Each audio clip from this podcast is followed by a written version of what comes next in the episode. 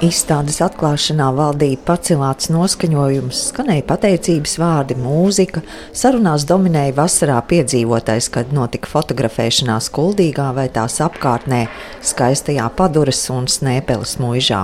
Lai arī fotografijās jauniešu funkcionālais traucējums paslēpts, pie katras lielformāta fotografijas apraksts un paša jaunieša stāsts.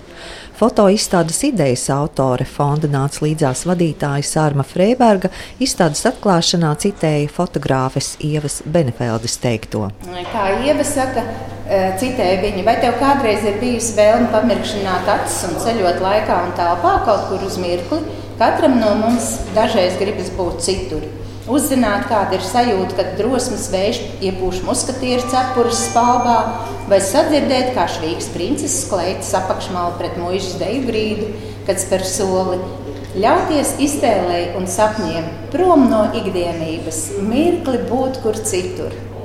Tā saka fotogrāfa Ieva Benfelde.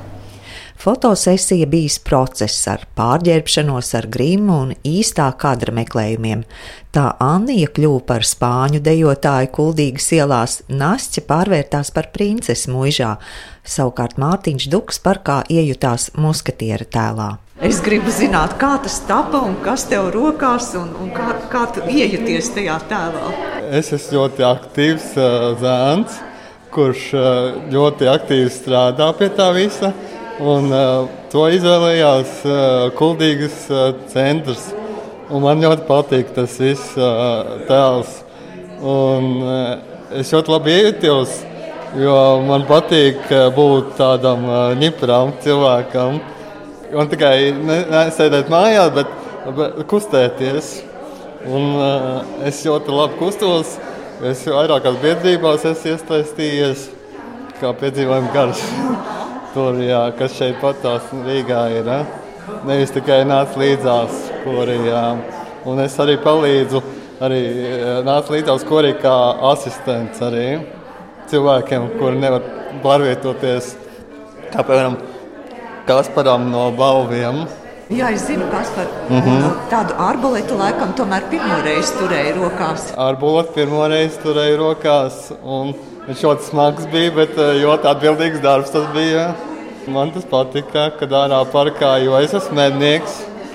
Un ko tu pastāsti par sevi šajos stāstos? Par sevi šajos stāstos pastāstu, kā es no bērnības nu, invalīds biju. Bērns ar trieku ir man. Un, nu, es vienkārši kā es visu to etapu izdzīvoju. No A līdz Z, kad es biju no zīdainas un tad atkal man nāca ārsti klāt, un tad viss kaut ko darīja ar maniem, kustināja. Tagad es ļoti aktīvs, ka es nevaru nosēdēt mājās. Un pat arī es arī meklēju kaut kādu darbiņu mazu, kā dežants skolās. Reāli nekas, ka tā alga ir ļoti maza, bet toties tur ir iespēja. Jo neviens negrib par tādu samaksu. Jā.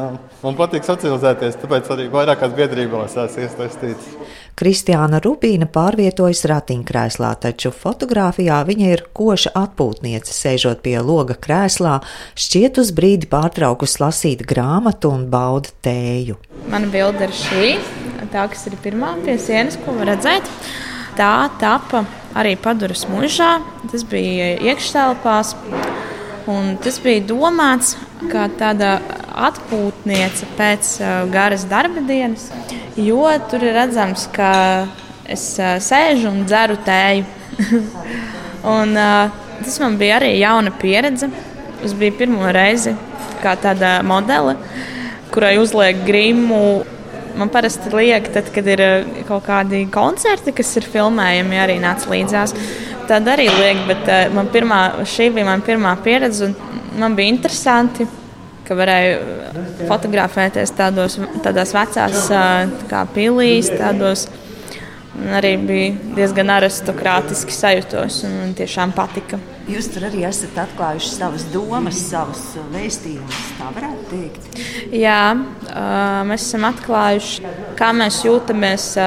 To var dzirdēt, noskanējot to kodu, QR kodu, kurā mēs atklājam savas domas, kā mēs jūtamies šajā pasaulē, vai cik mēs esam novērtēti nu, šāda tipa cilvēki, un kur mēs mēdzam rast prieku. Tajos brīžos, kad mūs, piemēram, varbūt nenovērtē tik ļoti, tiem, kas noklausīsies stāstu, viņi varēs vairāk iepazīt mūsu katru atsevišķi. Jā. Kur tu smelies to prieku? Es smeļos šo prieku uh, grāmatās, uh, lasu daudz grāmatas, un visvairāk man prieku sagādā mūzika, pilnīgi jebkāda. Un, Tas man uzlabo garastāvokli un, un arī piedalīšanās, piemēram, nāca līdzās korī jauniešu. Tas arī man dod tādu stimulu dzīvē. Laima Mūrniece ir jaunieta no Inču kalna, un cik zinu, viņai pašai patīk fotografēt. Šī fotografija ir tapusi Paduras mūžas pagraba telpās. Ļoti tāda um, pieklusināta, tumsnējā noskaņā. Man pašai ļoti patika tā noskaņa. Varbūt man uh, nebija viegli orientēties, jo man ir redzes problēmas, un, ja ir uh, tumšs, tad man ir grūtāk saprast, kur man jāiet, lai es kaut kur neieskrietu. Un, man bija arī ļoti gara kleita, kas nedaudz pinās pa kājām. Man visu laiku bija jāuzman, un visu laiku bija jāpietur. Bet katrā ziņā tas bija ļoti interesants piedzīvojums. Man pašai man vispār patīk fotografēties, un man patīk arī fotografēt citus. Parasti tas ir tā, nu, ar, ar draugiem vienkārši nofotografēsimies tur, tur un tur, bet šeit viss bija tā, tā nopietni. Bija tāda gatavošanās un ieiešanās tēlā. Tas nav tā, ka tu vienkārši uztaisīsim skaistu bildīti pie jūras. Jā, šis tērps arī ir īpašs. Tam laikam atbilstoši. Tas ir renesanses tērps, un tas ir zilā krāsā, kas ir viena no manām mīļākajām krāsām. Tas tā nejauši uztrāpījās, ka tērps būs zilā krāsā. Jā, es zinu, Laima, ka jūs arī fotografējat, jo man ir kalendārs, kurā ir jūsu attēli. Par spīti tam, ka man ir redzes problēmas, man patīk arī fotografēt. Man pašai dažkārt tas šķiet tā interesanti, jo ir kaut kādas lietas, ko es ikdienā varbūt man ir grūtāk pamanīt, saredzēt, izlasīt. Bet, uh, atkal ar kameru es dažreiz mēdzu pamanīt tādus sīkumus, ko varbūt uh, citi sākumā nepamanā. Nu, piemēram, tās pašas gaismas spēles aizkaros vai kaut kādos logu atspulgos vai, vai peļķu atspulgos vai jā, kaut kādas tādas sīkas, interesantas detaļas. Jūs arī parasti ļaujaties šādiem projektiem, kur uh, sārma varbūt uh, aicina un piedalāties? Nu, es piedalos lielākajā daļā projektu, kur tiek aicināti. Jā, man šķiet, tas ir uh, labs veids, kā izpaust uh, savus talantus, savas spējas, kā iemācīties kaut ko jaunu, kā arī augt.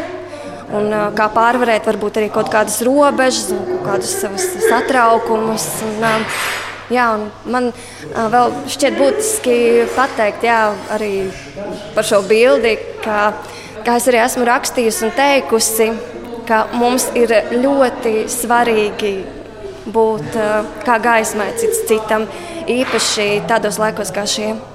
Un arī šajā bildē, kura man rokās ir uh, lukturītis ar sveci, man šķiet tas tik simboliski, ka jā, tā ir tā gaisma, ko es nesu citiem un ko mēs varam cits citiem dot.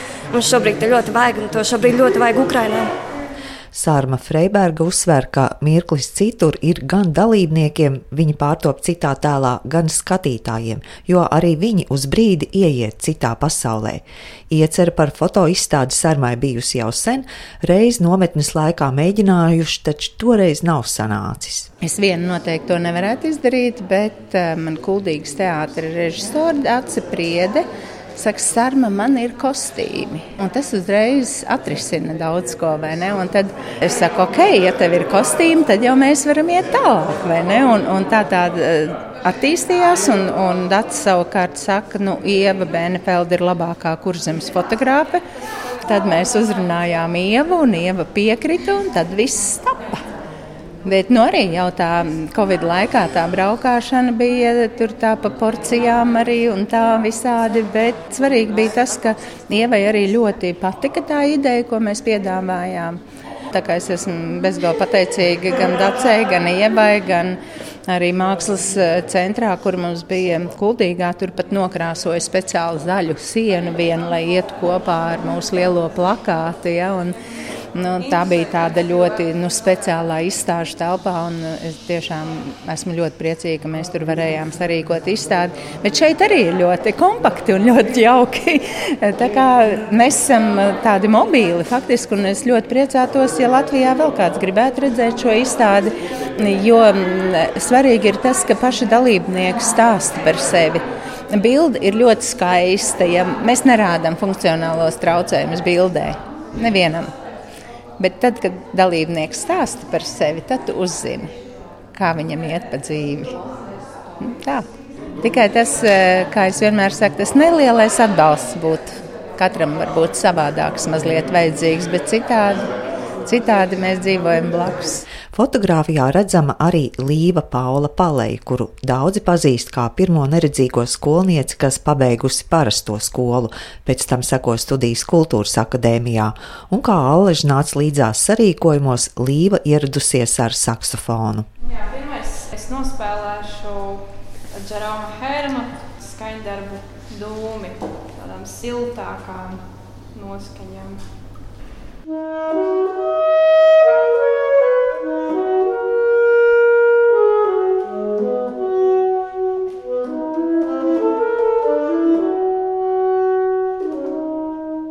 Nezinot, kurā vietā būs nākamā izstāde, Anijas Vītumas tētis apliecina, ka viņi abi ar meitu nolēmuši braukt uz visām vietām, kur vien izstāde tiks rādīta. Arī Mārtiņa māma pauž gandarījumu par izstādi. Viņai ļoti patīk, kā fotografijā attēlots Mārtiņš. Tas dēlam bijis liels piedzīvojums.